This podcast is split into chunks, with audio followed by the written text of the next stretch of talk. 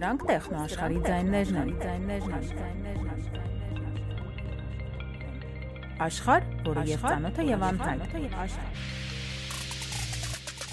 Աշխարհ, որտեղ ապրում ենք մենք բոլորս եւ որը պետք է դեռ բացահայտենք։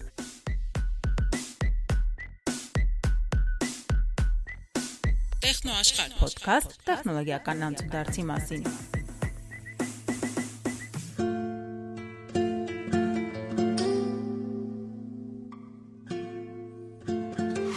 Հայաստանում խաղեր գնելը այդքան պոպուլյար չի։ Մտածում եի թե ինչ եմ ուզում անեմ իմ կյանքի հետ։ Կերպարներին մենք պատկերում ենք արդեն մեր ձևով։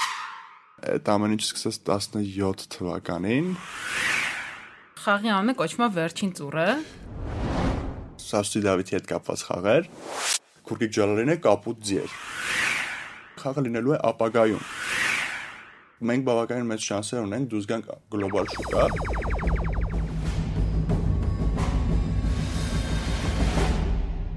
Նախ սկսենք ամենասկզբից, հա, որտեղ եք ծնվել, երբ եք ծնվել, ինչ միջավայրում եք մեծացել, տեխնո թե այդքան էլ տեխնո չի։ Ես ծնվել եմ Հայաստանում, Երևան քաղաքում։ Հիմնականում մեծացել եմ ես խաղեր խաղալով հենց, ու խաղերը ոնց որ իմ ամենամեծ տենց հետաքրքրությունն ա եղել փոքր ժամանակվանից, տենց շատ ընկերներ չէի չունեի, խաղեր էի խաղում տանը, բայց հետո տենց արդեն բարձր, այսինքն դպրոցական վերջի տարիներին արդեն սկսեցի ավելի շատ շփվել տարբեր մարդկանց հետ ու գտա միջավայր, ովքեր նույնպես սիրում են խաղեր ու դեռ ձեռք բերեցի շատ մոտիկ ընկերներ։ Հետո համասարանում ես սովորել եմ Երևանի պետական համասարանում ու հենց կիրառական բաժնում ծրագրավորող էի ուզում դառնել, որովհետև այդ պահի դրությամբ տենց ամենասիրում էի համակարգիչներով է զբաղվել, իմ համակարգչի 5 սեանս եմ հավաքել ու տենց հիմնականում տես մտածում եմ որ ծրագրավորումը իմ մյուս շարունակությունը գործի պետք է լինի Եվ երբ որ ես առաջի կուրս էի սովորում, ես հասկացա, որ մենակ սովորել չեմ ուզում եւ աշխատել եմ ուզում եւ գործ փնտրելով, տենց ես սկսեցի աշխատել Rostelecom-ում որպես տեխնիկական օպերատոր, դա իմ տենց կարիերայի սկիզբն էր։ Հետո ոնց որ արդեն ավելի գնացի այլ պաշտոնի, հետո մի պահ եկավ, որ ես տենց ուզում մտածում էի թե ինչ եմ ուզում անեմ իմ կյանքի հետ եւ մենք տենց ընկերներով հավաքվել էինք 4 մոտիկ ընկերներով ու տենց հիմնականում խոսում ենք նրանից, որ շատ լավ կլներ, որ մենք կանենք խաղային ինդուստրիայում աշխատենք, որովհետև խաղային ինդուստրիան տենց մենք շատ հոգեարազատ է, մենք սիրում ենք բոլորս խաղեր խաղալ ու տենց հետո մի բան մտածել, հետո խոսում ենք թե ինչ որ Հայաստանում զարգացած չի այդ ոլորտը, ընդհանրապես շատ քիչ տեղեր կա, որտեղ կարելի աշխատել ու դեռ հələ փաս չէ, որ այդ տեղերը մենք ուզում էինք աշխատենք եւ որոշեցինք, որ խի չէ որ փորձենք կառուցել մերը, որովհետև այս բային ստարտափներ հասկացողություն կա, գրանտեր կան, ինվեստմենտներ, այդ ամեն ինչ սկսեց 17 թվականին, երբ որ մենք առաջի անգամ գնացինք Sevan Startup Summit երբ որ մեր մոտ միտքը դեռ նոր-նոր էր առաջացել ու մենք գնացել էինք seed battle-ին, այսինքն seed battle-ը երբ որ ընդհանրապես գաղափարն է այսինքն շատ բան արված չէ։ Զբաղեցրեցինք առաջին տեղը Seed Battle-ին եւ ստացանք 2000 դոլար առաջի մեր Դե շատ քիչ էր, բայց հենց ինքը շատ կարևոր դեր խաղաց մեր ստարտափի զարգացման մեջ, որովհետեւ ոնց որ դու գրանտը հաղթում եք, հետո ասում եք, օ, շատ ուրախանում եք, բան, հետո մի պակ sense նույն co-founder-ները հավաքում եք, ասում եք, օքեյ մեզ մեր խաղը ստեղծելու համար պետք են բավականին մեծ գումարներ։ Մենք ունենք այդ մեծ գումարներից 2000 դոլար։ Հիմա ինչ ենք մենք անում այդ 2000 դոլարի հետ։ Այդ ամենակարևոր ու լուրջ հարցն էր էլի այդ պահին։ Ինչ արեցիք վերջը։ Վերջը մենք որոշեցինք, որ ներկայացնելու համար խաղը մեզ պետք են ավելի շատ վիզուալներ։ Այսինքն մենք այդ հենց co-founder-ներին ներկայացնենք, որ այդ պահի սիտուացիան հասկանանք։ Ես այդ այդ պահին սովորում էի խաղերի նախագծում, կոչվում է game design խաղերի նախագծումը դա կոպտեսած դոկումենտացիա ստեղծելն է, թե ինչ պետք է լինի, ոնց պետք է լինի, սա թղթի վրա որպեսզի հետո կարողանան կառուցեն աշխատող մարդիկ։ Մեր co-founder-ներից Ռոբերտն է։ Ռոբերտը ինքը 3D մոդելավորող է, բավականին լավ 3D մոդելավորող էր։ Դա ամենալավ բանն էր մեր թիմի մեջ, որտեղ ամեն մեկս տարբեր մասնագիտություններ էինք ու շատ հարմար էր։ Այսինքն, երբ որ 4 ծրագրավորող հավաքվում են ստարտափ են ստեղծում, տեղ խնդիրներ է առաջանում, որտեղ մենակ ծրագրավորումով չի վերջանում։ Կա management, կա marketing, Ստեփանը զբաղվում էր սցենարի գրմամբ, ես ու Ստեփանը նստում մտածում էինք, թե ոնց անենք, ինչ անենք, ինչպեսի խաղ սարքենք, ովքեր են խաղալու մեր խաղը եւ այդպես այդպես։ Սկսեցինք աշխատել այդ 2000 դոլարը հիմնականում սկզբնական տենց գնաց տեսքի վրա, այսինքն Ռոբերտը աշխատանքից դուրս եկավ, մենք ասացինք, թե ֆինանսավորումը գնում է Ռոբերտին, ու թիմում նույնպես ավելացեցինք կոնցեպտ արտիստ, ովքեր ով կոնցեպտներն էր նկարում։ Եվ այդպես սկսեցինք ստեղծել խաղի վիզուալը։ Այդ ամեն ինչը սենց վերլուծեցիք, հասկացաք, ման եկաք հասակ միտեղ, որտեղ որոշեցիք հավաքվում եք ու խաղ սարքեք, որն է եղել առաջին խաղը։ Առաջ խաղը հենց Սասի Դավիթի հետ կապված խաղ էր ճիշտ ասած դա բավականին մեծ ամբիցիոզ պրոյեկտ է, ինչը մենք բավականին ուշ ընդունեցինք, որ սա ամբիցիոզ պրոյեկտ է եւ մենք սկսեցինք աշխատել իր վրա։ Մենք մենք ուզում ենք սարքել մեծ խաղ, բավականին, որը պոպուլյար կդառնա ամբողջ աշխարհում եւ կհամարվի ոնց որ Հայաստանի կողմից ինձի, ինձի կոչվում երբ որ մեծ կամպանիա չի publish անում, էլի, չի հրատարակում խաղը, որ մեծ բան հիմնական համակարգչային խաղերը հրատարակում հրատարակում է, որպեսզի կանա վաճառվի, հատկապես մեր նման փոքրիկ ստուդիաների կողմից ստեղծված, էլի հիմնականում տենց որոշեցինք որ պետք է սարքենք Սասունցի Դավիթի խաղ, որ գլխավոր հերոսը լինի Սասունցի Դավիթը ու ինքը լինի համակարգչների եւ PlayStation-ի, Xbox-ի, Nintendo-ի վրա ու գնալով տենց հերթով հանդիպելով բոլոր բարդություններին հաղթարելով, երբ որ մեր մոտ ծրագրավորող նույնիսկ չկար թմում, մենք տենց ծրագրավորող վերցրեցինք, որ սկսնակեր, մենք սկսեցինք իր հետ ուսումնասիրել, նենց հարմար իր համար հարմարություն ստեղծենք, որ ինքը շարունակի սովորել, ամբիցիաներ ունենա, ու տենց ու հետո անիմատոր, եւս մոդելավորողներ, ու թիմը սկսեց գնալով մեծանալ, ընթացքում եւս գրանտեր սկսեցինք հաղթել, step step grant-ը եւս մեկ անգամ Seven Startup Summit գնացինք արդեն վիդեոներով, արդեն ավելի լավ պատրաստված։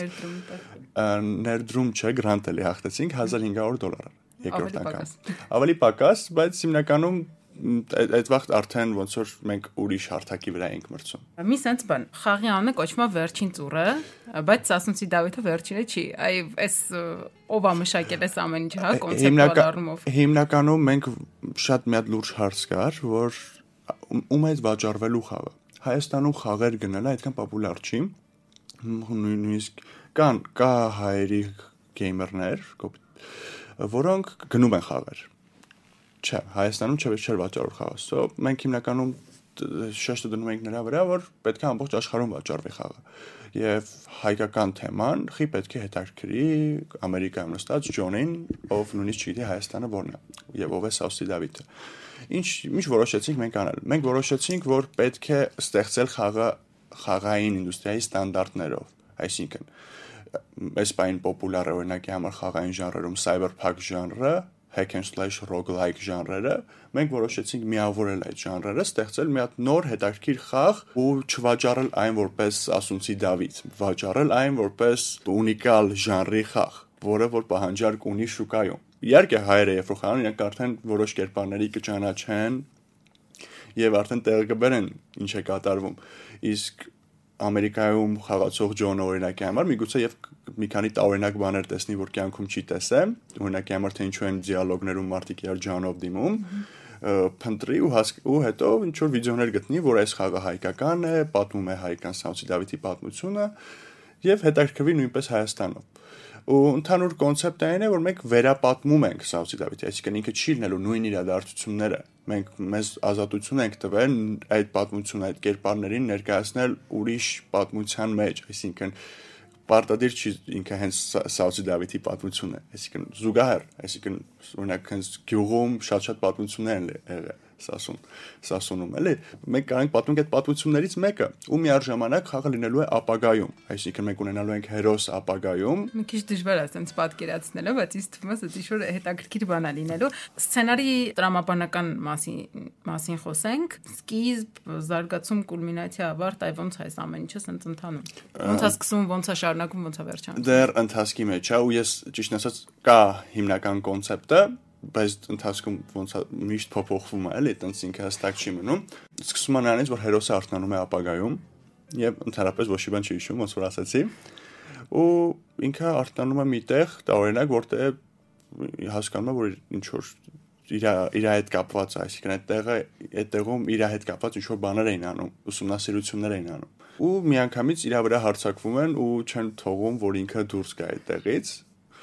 եւ ինքը փախնում է ու հասկանում է, որ ինքը գտնվում է շատ-շատ ապագայում, որտեղ արդեն թռչող ավտոներ ու տենց բաներ։ Այդ Սասունցի Դավիթը։ Հերոսը Սասունցի Դավիթն է։ Այդ Թեովա հերոսը ես դեռ ոչ մի բան չեմ ասի, որովհետև այդ հետաքրությունն էլ ենք պահում, այսինքն Թեովա հերոսը Սասունցի Դավիթն է արդյոք ինքը թե ինչ որ ապագայում միգուցե ռոբոտ է շատ-շատ շատ տարբերակներ կա։ Մենք էլ անձամբ հենց շատ տարբերակներ ենք քննարկել ու տենց ամեն տարբերակում մի տարբեր պատմություններ ու ընթացքում փորձել ենք ամեն ֆիլտրել ու գտնել ամենալավ այդ պատմություններից ու դեռ այս պատմությունը մեջներից ամենալավն է ու չեմ ուզում շատ բան ասել, որպեսի ապակայում հետաքրքիր լինի շատերի համար։ Հետո ինքը սկսում է հիշողություններ տեսնել Սասունում, Սասունցի Դավիթին տեսնել, տեսնել Օհանին, Սարեին, Օհանի կնոջը, ու այդ բոլոր կերպարներին մենք պատկերում ենք արդեն մեր ձևով, այսինքն մենք նույնպես կարդում ենք գիրքը, ու բավական հետաքրքիր բան ասում ենք Սաուցի Դավիթի արձանը, երբ որ տեսնում եք, ինքը չի համապատասխանում Սաուցի Դավիթի իրական տեսքին, այսինքն ոնց որ գրքում գրած է, ոնց որ փոխանցվել է ինքը երկար մազերով, կապուտաչա ու բավականին sense մանկամիջ, շատ մեծ մարմնով քուրկիկ ջալալին է կապուտ ձեր հենց գրքով ու շատ շատերը չգիտեն դրա մասին, այսինքն մի քիչ տենց տարբերվում է, էլի ու մենք գիրքը կարդում ենք ու որոշում ենք գրքից ինչ պահել, ինչ փոփոխել ու փորձում ենք պահել գրքի շունչը, այսինքն Դավիթի միամտությունը, իր արարքները, որոնք որ շատ տարօրինակ են թվում շատ շատերի համար։ Ես որպես գեյմեր Ինչ եմ անելու, ինչ ֆունկցիան, ինչ է լինելու։ Ձեր ֆունկցիա լինելու է հիմնականում կռվելը եւ ընթացքում պատմություն է պատմելու ձեզ, այսինքն դուք գնալու եք կռվեք, դուք պատտվելու եք սասունում, դուք պատտվելու եք անապատներով ապագայում ու ապագայում շատ լավ վիճակ չէ։ Ես կարող եմ հավաստիացնել մենք լավ տեղ չեն գնում։ Հիմնականում ինքը character action adventure լինելու դուք պետք է անընդհատ փորձեք, մեռնեք, վերածնվեք, նորից փորձեք ու այդ process-ը անդադ կրկնվելու է։ Քանի ճշնամի կա ընդհանուր առմամբ։ Շատ է լինելու։ Մենք նախատեսել ենք, որ մի 50 ճշնամի տեսակ լինի դրա մեջ մտնում է դրա մեջ մտնելու են հիմնականում տենց սասունի վրա հարցակվող միջնադարյան զինվորներ մենք տենց ազգ չենք սպეციფიկացնում որտեվ սա պատմություն է այսինքն պարտադիր չէ ազգ սպეციფიկացնել տենց չի սա Դավիթի իրական պատմություն է տենց միջնադարյան զինվորներ գալիս են հարկ հավաքելու սասունից կան այդ զինվորների շատ տեսակներ տարբեր զենքերով կան ապագայում զինվորներ զենքերով կան ռոբոտներ ու շատ-շատ տեսակներ։ Հիմնականում այսպիսի խաղերում շատ կարևոր է շատ բազմազան տեսակներ ունենալ բաների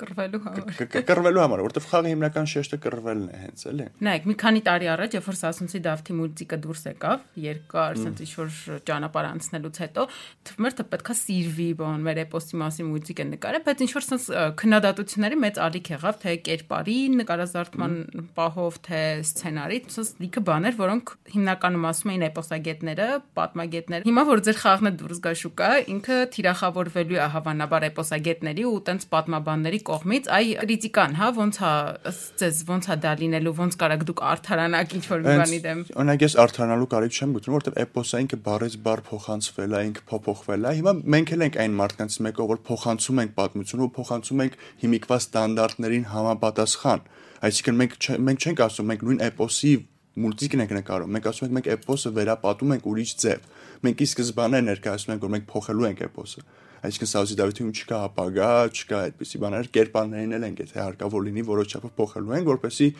մենք կանանք հանենք դա արտասահմանյան շուկա։ Ես այդ վստահ եմ, որ Սաուդի Դավիթի մուլտիկը արտասահմանյան շուկա դուրս չի գա ու չի հետաքրքրի շատ այն մարդկանց, ովքեր Disney-ի մուլտիկներն են նայում։ Բայց խաղային ինդուստրիայում կա մեծ ինձի մարքետ, որտեղ մեր նման էնտուզիաստներ խաղեր են սարքում ու շատ մարդիկ սիրում են այդ հենց այդպիսի խաղեր, ոչ թե մեծ ստուդիաների խաղերը, այլ փոքրիկ ինդի ստուդիաների խաղերը ու մենք բավականին մեծ շանսեր ունենք դուրս գանք գլոբալ շուկա եւ այնտեղ այնտեղ հասնենք հաջողության եւ մարդիկ միգուցե այդ պահից արդեն հետաքրքրվեն հենց էպոսով եւ կարդան էպոսը մենք նույնպես մտածում ենք հենց էպոսը PDF ֆայլով տրամադրենք եթե ինչ-որ մեկը շատ հետաքրքրվեր կկանար կարդար թե որտեղից է այս ամեն ինչ ստեղծվել այսինքն մենք մի ուրիշ պատմությամբ մարդկանց ցույց ենք տալի հայ, հայկական մշակույթի ֆրագմենտներ խաղում լինելու են Սասուն գյուղը, լինելու է եկեղեցի, իհարկե ամեն ինչ նորից փոփոխված է։ Այսինքն մենք մենք ժամանակին նույնիսկ սկսեցինք կառուցել Սասուն գյուղը։ Երբ որ մենք մոդելները պատրաստեցինք ու փորձեցինք Հայաստանի տենց ռեալիստիկ սարքել, մենք հասկացանք, որ ինքը խաղային ստանդարտներով սիրուն չի լինում նու հա միգուցե մեր մեր ուժերն այդքան շատ չէին հերիքում որ տենց սասուն գյուղը ճիշտ վերարտադրենք մի հատ է սիրուն լիներ բայց ինչքանով մենք սարքեցինք ինքը այդքան հետաքրիր չէ լինի խաղացողների համար ու այդ հասկանալուց մենք ասացինք օքեյ մենք ազատություն ենք տալի մեզ ու պարտադիր չի ռեալիստիկ լինի, այսինքն պետք չի հենց հայկական գյուղի տեսք ունենա։ Կարա մի քիչ ուրիշ ունենա,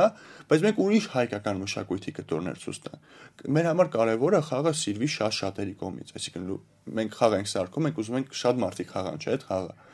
Հետեւաբար եթե մենք սարքենք ռեալիստիկ Սասուն, Սասնա գյուղ, բավականին քիչ բան կար այդ գյուղերում, այսինքն այդպես հագեցած չէր, բայց օրինակի համար խաղերում պետք է այդ lens level design-ը կոչվում, level design-ը պետք է լավ ճիշտ իր օրենքները ունի եւ պետք է օրենքներին համապատասխան սարքենք, ինչը բավականին բարդ էր Սասնա գյուղի ռեալիստիկ վերարտադրման Իրականում եթե արտասահմանցիներին հայկական տիպի գյուղ ցույց տանք, իրենք շատ ցած կվախենան ու կմտածեն, որ ցած էսի չա։ Այդ այդ մի քիչ տարօրինակ է, որովհետև հիմնականում կան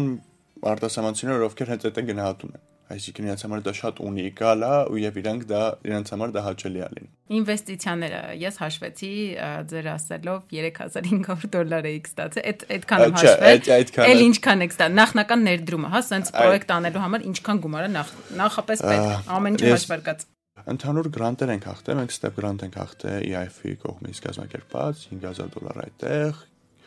Մեկ էլ մի գրանտ ենք հաղթել, էլի ստեփ երկուսներ դա այնտեղ էլ ճիշտ ասած այս պահին մոռացել եմ կոնկրետ գումարը ինչքան էր։ Այնքան փոքր էր որ։ Չէ, չէ, այդ մեկը ամենամեծն էր ճիշտ ասած։ Ընդհանուր տես հիմնականում ինքը այնպեսի գրանտ էր, որ մենք է պետք է գումար դնեինք, իրանք է գումար ավելացնեին ու ամենա տենց գումար կազմեր 20000 էր թե 10 քանի հազար էր այդ կարգի Ամենամեծ գրանտն է եղել եւ եւ ամենաշատ մեծ պոտենցիալն է եղել։ Մենք թիմ մեծացրել ենք, սարքել ենք փոքրիկ բետա դեմո, որ այս բան դեռ տենց մենք հրապարակեցինք իրան մի քանի տեղ, բայց դեռ մենք չենք հանել իրան, որովհետեւ դեռ շատ աշխատելու բան կա, այսինքն այդ գումարները դեռ բավական չեն, որպեսի մենք կարողանանք դուրս գանք։ Հիմնական միջազգային շուկայի մասին է խոսի գնում ու մենք ձգտում ենք ունենալ շատ ամբիցիոզ մեծ ու սիրուն լավ պրոյեկտ, որը շատ պոպուլյար կդառնա։ Այսպիսի պրոյեկտի համար պետք է շատ ժամանակ եւ շատ գումար։ Մենք այս բանի դրությամբ հենց ինվեստմենտների տեսանկյունից, օրինակ Հայաստանում խաղերի մեջ ինվեստ տենց չեն անում, առաջորդին որտեղ չեն հասկանում շուկան։ Այսինքն ինվեստորները օրինակի համար պետք է հասկանան շուկան կամ ինչ-որ մարդիկ ունենան աշխատող իրենց մոտ, ովքեր հասկանում են շուկան, որպես իրենք ինվեստ անեն։ Փորձում ենք արտասահմանից, բայց արտասահմանում այդ հենց մրցումը շատ է եւ մենք լինելով Հայաստանում արդեն մրցումից լավ հետ ենք, որովհետեւ բացի դրանից, նո չխոսանք հələ աշխատողների ու աշխատողներ լինելուն խաղային ոլորտի զարգանալուն չխոսանք դրանից, խոսանք դրանից, որ մենք գտնվում ենք հենց լոկացիան Հայաստան ինվեստմենտ տալուց շատ սովորաբար տալիս են ավելի եվրոպական կամ Ես զգում եմ, որ ձեր խաղը երբ որ դուրս գա շուկա, ասես մտ հոց բանակ գալու երկհանների, կոմպոզիտորների, էպոսագետների ու գալու են ձեր այդ կրիպտան։ Մեծ առումով կռիվ էլի։ Մենք ամեն ինչ անում ենք, որ արտասահմանյան շուկայում։ Այսինքն եթե նույնիսկ են գան կռիվ անելու, մենք ասենք մենք դուրս ենք եկել արտասահմանյան շուկա։ Այսինքն մենք կարացել ենք դուրս գանք։ Դա արդեն մեծ բան է եթե մենք չկարանանք մենք մենք ընդունենք մեր մեր սխալները երբ որ մենք չկարանանք դուրս գանք արտասահմանյան շուկա եւ չհասնենք հաջողության այդ այդ ժամանակ պատրաստ է բայց եթե մեր մոտ սա լավ լինի խաղը վաճառվի արտասանան շուկայում շատ լավ դա պատմություն է, որը մենք ենք ստեղծել ու մենք վերարտադրել ենք ոգեշնչված Սաուսի Դավիթից։ Դա պարտավոր չէ այդ ամեն ինչը լինի։ So մենք պատրաստ ենք այդ խոսքերը նորից նորից կրկնենք, միջև այդ մարդիկ հասկանան, որ պարտադիր չէ նույնը լինի ամեն ինչ, կարելի է ավելի ազատություն տալ։ Հիմնականում չմտածելը քարակոսի մեջ արտադրությունը, որ բավական կլիշե է արդեն, դա միշտ ակտուալ է։ Ես հուսով եմ, որ ձեր խաղը հաջողելի է